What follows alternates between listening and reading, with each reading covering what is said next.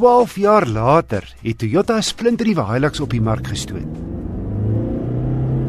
Ek het die top dieselmodel gery, dis die 2.8 GD6 4x4 ryder dubbelkajuit 6-spoed outomaties met 'n grondvryhoogte van 'n allemintige 286 mm. Nou, kom ek val sommer met die deur in die huis. Die nuwe Hilux is in talle opsigte beter as sy voorganger. 'n Prominente snoet met sulke horisontale kroomstroke en groot hoofligte wat omvou en 'n end aan die kante afloop. In jou triespieël sal die dagryligte jou opval.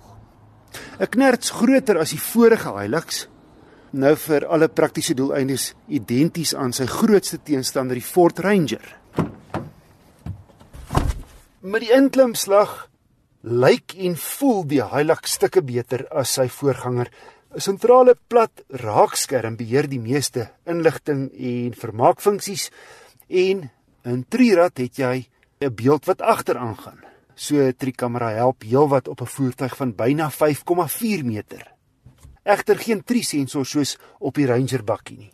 En 'n ronde knop. Eerder as die vorige Hilux se klein radhefboom beheer nou die viertrek en laastrek funksies. Aparte skakelaars vir die sluit van die agterste ewenaar en afdraande beheer. Die bakkie het ook outomatiese remop met opdraandes. Die 6-spoed outomatiese radkie druk jy vanaf die drive posisie net regs wat die ratte laer hou en in sport kan jy op of afrat die kierie net vorentoe of agtertoe te tik. Die voorsitplekke is baie gerieflik, maar geen leer. Dis opsioneel. Wel leer op die lekker greep en aantreklike stuurwiel. En die kan ook nou in en uit skuwe. Negatief is geen ventilasiegate agter vir die passasiers nie. In die ritgehalte is wel beter as die vorige Hilux, maar as hy leeg is, hop jy net daai bietjie meer as in die Isuzu KB en Ford Ranger. En 'n laaste ding, as jy die bakkie oopsluit, maak hy 'n hengsel lawaai wat enige slapende baba sal wakker maak. En daai eerste piepgeluid het net die bestuurder se deur oopgemaak as jy die ander deure ook van buite wil oopmaak. En die sluitgeluid klink so.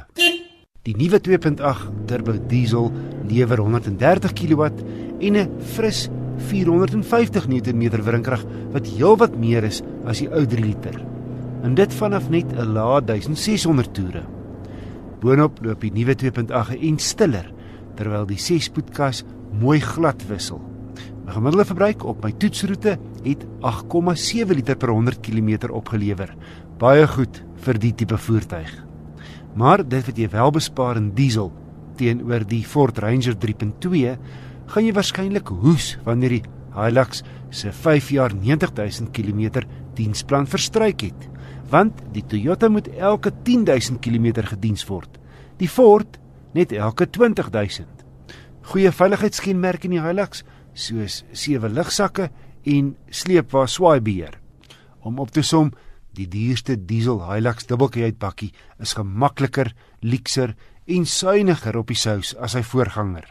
Interessant dat die model se prys van R570600 feitelik identies is aan sy Ranger XLT eweknie. Die Ford het egter leersitplekke as standaard toerusting wat as 'n opsie 'n ekstra R12800 by die Toyota se prys voeg. Tog voel die Toyota se binneruim net iets beter aan mekaar gesit en sy aandrywing is meer gesofistikeerd as die Ford se.